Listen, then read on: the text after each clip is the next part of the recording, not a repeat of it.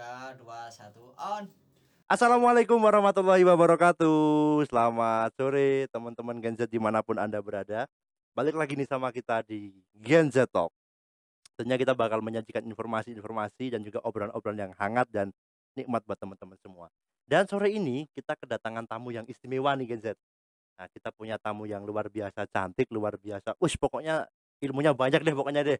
Oke, di depan saya udah ada Mbak Fatima. Selamat sore Mbak Fatima. Selamat sore, Mas. Oke, gimana kabarnya di tengah pandemi yang lagi ganas-ganasnya nih, Mbak?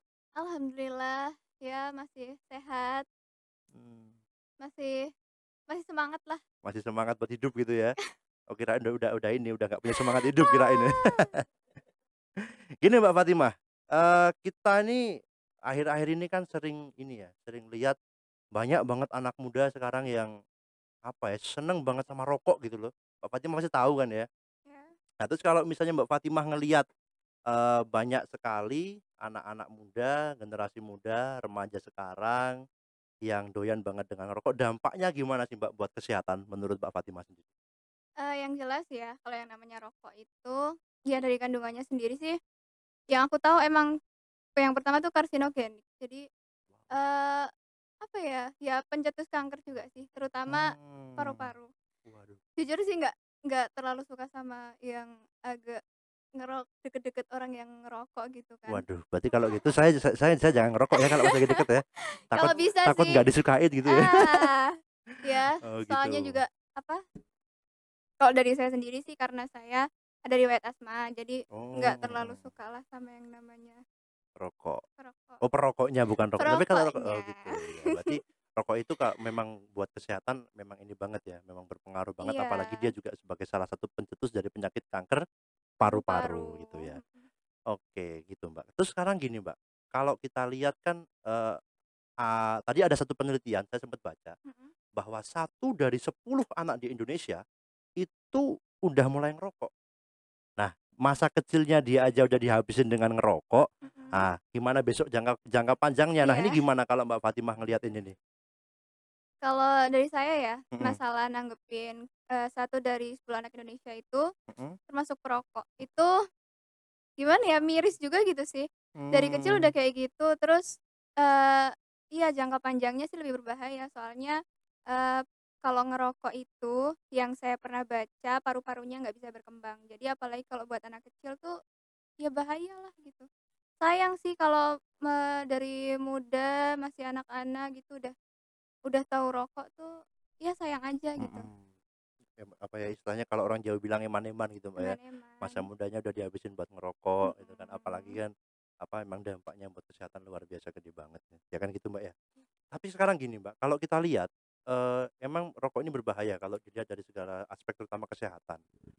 Nah, itu gimana, apa, sedangkan pengiklanan rokok di Indonesia ini kan masih legal, masih bebas, masih masif. Kalau kita lihat media televisi, kita lihat, media apa pun, internet misalnya, itu kan masih vulgar banget loh, ini Iya, rokok, iya. misalnya merek A, merek B, Iya atau sih. apa gitu kan. Itu gimana kalau Mbak Fatimah melihat, hal seperti itu? Gimana ya, eee, nggak nggak nggak bisa juga, eee, nyalahin pemerintahnya, tapi ya kalau nggak disalahin gimana juga ya. Soalnya, Mmm. eee, kayak perizinan tentang iklannya sendiri kan juga dari pemerintah, Iya ya betul, kan. heeh, Jadi, betul. Ya, eee, apa, perlulah buat dipikir lagi, apalagi mungkin boleh ditayangkan, tapi jangan di jam-jam di mana anak-anak itu bisa nonton Oh, gitu. ada pembatasan gitu ya, ada Iya. PSBB-nya gitu berarti ya. Ada aturannya lah Ada harusnya. aturannya, ya berarti mungkin Iya. jam-jam, eee, 10 ke atas, jam 11 ke Iya. atas gitu Ya ya. Jadi mungkin yang gitu mhm, sih. yang penting anak-anak nggak nggak ini, nggak apa namanya, nggak lihat gitu, Mbak, ya. Iya, tapi itu juga kan, eee, pengaruh dari lingkungannya ya, jadi kayak Mhm. orang tua kalaupun media nggak mengiklankan kan juga orang tua yang sebagai contoh yang paling dekat gitu kan, Mhm. ya bisa jadi, apa ya, media promosinya juga gitu kan. Nah itu, ya harusnya emang butuh kesadaran banget sih dari lingkungan, terus ya selanjutnya ke lebih tinggi lagi ke pemerintahnya, sampai ke bagian-bagian itunya lah. Bagian-bagian penyiaran medianya gitu ya. Iya. Jadi memang harus ada kalau Mbak Fatimah melihat harus ada Harus ada pembatasan-pembatasan gitu ya. pembatasannya. Terus Mbak Fatimah punya saran nggak sih ini buat pemerintah? Gimana sih sebaiknya biar, eee, iklan rokok ini bisa, apa namanya, eee, yang masih legal, masih masif, masih banyak sampai dengan hari ini, Mbak Fatimah punya saran nggak buat pemerintah? Mmm, saran ya itu sih tadi, kalau bisa ada pembatasan atau mungkin ada aturan-aturan tertentu gitu ya. Eee, apa ya? Apa? Ya gimana ya, yang ngelindungin gimanalah caranya melindungi generasi muda gitu biar mmm, lebih baik lagi lah. Jadi Terus heeh, ya gitu. kalau masalah iklannya, eee, secara kalau dari rokoknya sendiri ya, kalau Mhm. menurutku ada ya ada positifnya ada negatifnya. Oh Ya gitu. kalau diiklankan kan mungkin dari situ terus, eee, yang pernah saya lihat juga kayaknya kayak apa sih namanya, Apa? yang produksinya juga kan, eee, memberikan beasiswa gitu ya kan. Oh ya, ada salah satu Iya memang pabrikan rokok yang bu yang heeh, ngasih yang beasiswa memberikan buat beberapa beasiswa, anak-anak iya muda di mungkin Indonesia kalau gitu dari ya? situ positifnya sih itu, cuman Oh ya gitu, mhm. negatifnya juga nggak sedikit sih. Jadi sayang-sayang aja gitu kalau gimana ya, gimanalah kalau bisa pemerintah juga ikut melindungi, eee, ya soalnya mereka juga kan wakil dari kita, kalau bisa ya mewakilkan yang bener-bener gitu. Mewakilkan yang bener, berarti selama ini nggak bener gitu dong ya? Ya bener-bener lah Oh dikit. bener-bener gitu, oh iya gitu, oke. Iya gitu. Oke Mbak Fatimah, sekarang nih kan kita sama-sama tahu, sama-sama sering lihat gitu Mbak ya, kalau yang namanya iklan rokok di TV kek, di koran kek barangkali ada, terus di radio, terus di media apa pun lah, itu kan kayaknya apa ya, banyak banget, terus bebas banget, kayak pemerintah tuh emang emang itu tuh hal hal yang legal gitu loh, iya nggak sih Mbak? Kalau Mbak Fatimah kalau, eee, melihat kayak gitu gimana sih Mbak, menurut Mbak Fatimah sendiri? Ya, iklan rokok tuh jadi kayak iklan-iklan biasanya gitu ya. Mhm. Maksudnya ya legal kan kayak, ya udah nggak apa-apa gitu kan. Mhm, Ya udah biarin aja, biar ada lah gitu kan. Ya mungkin kayak gitu. Heeh. Jadi ya, apa ya, kadang kelihatan memprihatinkan sih kalau pas misalnya jam-jam anak lagi, apa ya, Nonton kartun gitu lagi misalnya? nah, eee, jarang sih tapi. Oh gitu. Nggak pagi-pagi banget gitu Heeh. ya. Tapi ya kalau sampai ada anak-anak ngelihat tuh, mmm, Gimana gitu ya, iyalah. "Bapak Bapak itu apa sih Pak?" Gitu kan. Soalnya kan iklan rokok itu kan gini Mbak, abstrak gitu loh, ini lagi Iya sih ngomongin apa kadang. sih, tiba-tiba langsung datang Langsung mereknya iya gitu kan, iya "Ini iya. lagi ngapain sih tiba-tiba merek, tit, apa kena sensor?" Gitu kan, Iya gitu. gitu. Jadi, ya kalau kesannya sih kayak memprihatinkan juga kalau Heeh, sampai gitu. anak-anak lihat. Cuman iklan di sini ya, iklan rokok tuh nggak nggak cuman iklan yang via TV kan, Mhm. nggak cuman yang, apa ya lewat koran atau ya medsos lah Iya gitu. iya. Tapi juga kayak, apa tuh namanya, yang di pinggir jalan Oh iya, reklame gede-gede itu Iya kan kan ada itu juga ada ya. gitu Nah, kan. jadi kan iklan nggak cuman sebatas yang bisa dilihat lewat HP atau TV gitu kan, tapi termasuk itu juga nggak sih? Iya termasuk Iya, semuanya. makanya, eee, ya itu, mungkin misalnya di TV dibatasin, tapi di jalan-jalan masih kelihatan. Mmm. Terus di warung-warung, kenapa nggak dibikin apa ya, lebih lebih khusus aja lagi gitu. Jadi Ada area khusus buat buat jualan rokok gitu ya? Ah gitu apa apa gimana gitu Eee, maksudnya? ya mungkin kayak gitu juga tempatnya, eee, tapi kalau emang di minimarket juga udah ditempatin sendiri gitu kan, ada Iya, ada tempatnya di ini di sendiri. ini paling nggak di mana, di kasirnya Iya. mereka kan, nggak bisa langsung ambil Iya, sendiri gitu kan paling, iya "Mbak mau itu. beli rokok ini dong 1," biasanya kan gitu. Ya itu Mhm. sih. Ya jadi kayak, apa ya, kayak hampir kayak percuma aja ya kalau misalnya di televisi udah ada Enggak pembatasan, tapi kalau heeh. Di jalan masih banyak iklan i A, iklan B, iklan C gitu masih banyak kayaknya sama aja gitu Mbak ya? Iya, ya menyangkut sama lingkungan juga sih, kayak tadi dibahas kan, eee, iklan tuh nggak sebatas cuman ini, tapi juga kayak orang tua yang atau lingkungan yang deket-deket dengan itu kan juga bisa disebut iklan kan. Mhm. Kayak, ya orang tuanya aja kayak, eee, aya a bapaknya lah atau orang tuanya juga kayak gitu, eee, orang-orang terdekatnya kayak gitu, jadi kayak ya kesadarannya mungkin ya emang apa-apa tuh dasarnya dari diri Dari diri sendiri sendiri, sih. iya betul, Jadi iya harus emang. sadar dulu dari sendi diri sendiri, terus baru Mhm. bisalah Merambah yang lain gitu ya. Iya. Ya soalnya iklan itu kan mengena apa, ngenalin suatu produk gitu kan. Saya misalnya bawa bawa rokok, ya udah saya Iya. secara nggak langsung kita pasti ngiklanin dong, Iya iya. "Om itu apa sih Om?" Kalau ponakan lihat, "Ini namanya rokok." Ah kan jadinya kan gitu. Jadi semuanya bisa tahu, iya bisa kenal tanpa iya harus iya mereka lihat televisi ya kan gitu. iklan terus gitu. Terus gi ini kan kalau tadi kita bicara soal iklan, kita bicara soal apa namanya, gimana sih, Mbak, sebagai generasi muda nih, untuk kita ini paling enggak, eee, tahu dan mau membatasi terkait Mhm. dengan, eee, menghindari rokok dan juga penyebarannya. Karena sekarang kita tahu, dengan adanya riset bahwa 1 dari 10 anak itu udah ngerokok nih. Nah, generasi mudanya kan juga auto dong ya, nggak mungkin Iya, enggak kan. Nah, iyalah. terus kira-kira gimana tuh sebagai generasi muda buat ngindarin daripada si peredaran rokok ini sendiri? Kalau Mbak Fatimah gimana? Ya, kalau masalah generasi muda ya, jadi, eee, nggak nyala nggak nyalahin tapi juga perlu negur gitu. Misalnya Mhm. kayak eee, anak itu biasanya niru orang tua. Mmm, iya, Eee, betul kalau betul. dari sisi apa ya, kayak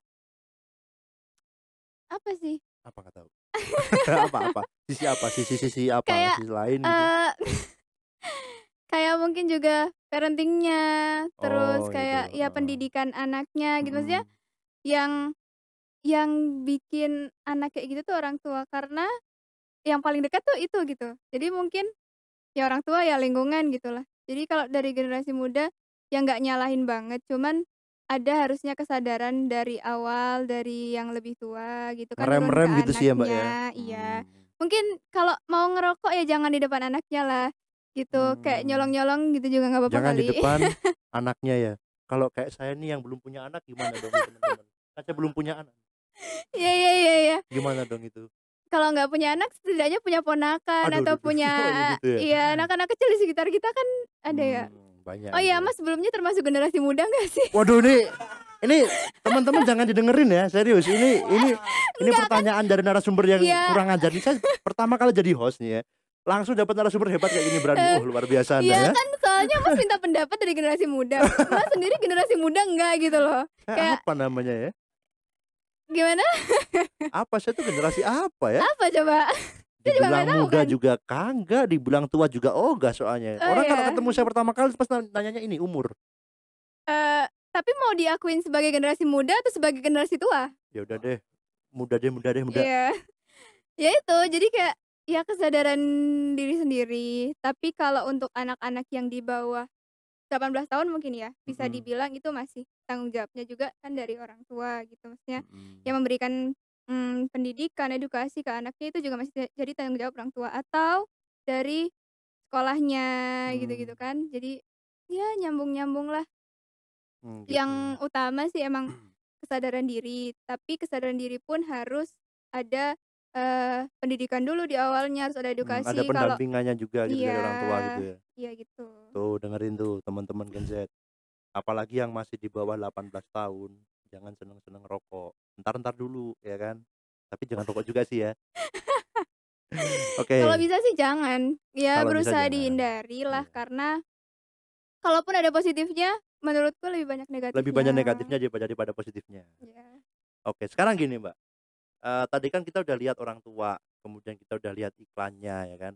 Sekarang gimana Mbak Fatimah punya harapan besar apa terhadap pemerintah dan juga terhadap para generasi muda ini terkait dengan, eee, apa namanya, entah itu pengiklanan rokoknya, entah itu, eee, apa namanya, aktivitas merokoknya, terutama entah itu dari baik dari segi kesehatan ataupun dari segi apa pun itu, Mbak Fatimah punya harapan besar apa untuk generasi muda?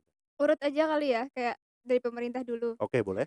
Karena, eee pengen bilang dari diri sendiri dulu, tapi juga ya gimana ya, pokoknya awalnya tuh ya nggak ada awalnya sih, kayak semuanya merata lah gitu. Eee, ya dari pemerintahnya kalau bisa ada pembatasan, terus Pembatasan apa nih maksudnya nih? Iya tadi pembatasan, ya termasuk Oh, iklannya, iklan iklan si rokok itu, termasuk konten si ik konten iklan rokoknya itu? Iya, mungkin juga gimana ya ya bingung juga sih karena distribusinya sendiri kan juga nggak sepenuhnya bisa diatur gitu kan. Mhm. Jadi ya ya gitu aja sih. Terus ke Mhm. orang tua mungkin buat anaknya yang masih di bawah 18 tahun gitu, eee, adalah edukasi. Kalaupun orang tua tidak bisa memberikan edukasi, ya harapannya dari sekolah-sekolah ada juga Ada edukasi. edukasinya, iya. Karena kebanyakan edukasi itu kalau di sekolah biasanya narkoba gitu ya. Heeh, paling banyak sering Iya, tuh, biasanya paling anti narkoba, narkoba. terus Nah apa, keselamatan lalu lintas gitu biasanya. Iya, tapi kadang ngerokok agak kelupaan gitu, ya nggak sih? Mhm, kadang Kayak malah nggak pernah juga sih, Mbak. Dulu Nah saya waktu sekolah nih, nggak pernah Heeh. tuh. Mas, eee, ada edukasi dari ini nih, dari BNN misalnya buat nggak Iya. ngerokok ya, Kak? Karena Nah, emang itu itu juga bukan kayaknya ranahnya jarang juga sih sih juga sebenarnya. jarang jarang denger gitu kayak Heeh. mungkin sebelum edukasi ke narkobanya, edukasi ke rokok dulu karena bisa jadi rokok itu jadi kayak apa ya, Aditif juga? enggak, kayak rokok tuh kayak jadi jalannya takutnya jadi jalannya ke arah narkoba gitu, ya nggak Oh, sih? iya, Kan heeh, betul. ya mungkin nyambung lah sama-sama zat adiktif gitu. Mhm. Jadi ya ya dari sekolah, dari orang tua, dari pemerintah, yang utama justru dari kesadaran diri sendiri.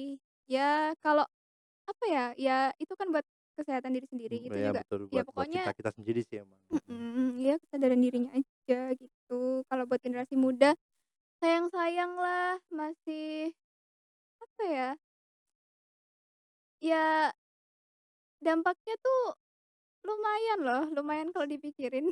Bukan lumayan sih kayaknya kalau jangka panjangnya bisa ngeri-ngeri juga tuh, Iya, Mbak. jangka panjangnya Kalau kita jelas lihat kan di lah. iklan itu kan, eee, di iklan tiap bungkusnya kan ada tuh rokok menyebabkan kanker paru-paru, kanker iya mulut, itu kanker termasuk. tenggorokan, itu kan kan ngeri banget tuh kayaknya tuh. Udah Kanker sampai kantong kering dikasih juga kayaknya tuh. gambarnya gitu Nah, kan. itu makanya. Ya tapi emang butuh kesadaran diri dan Mhm. perhatian dari lingkungan, dari Mhm. sekolah, dari pemerintah, gitu. Mmm.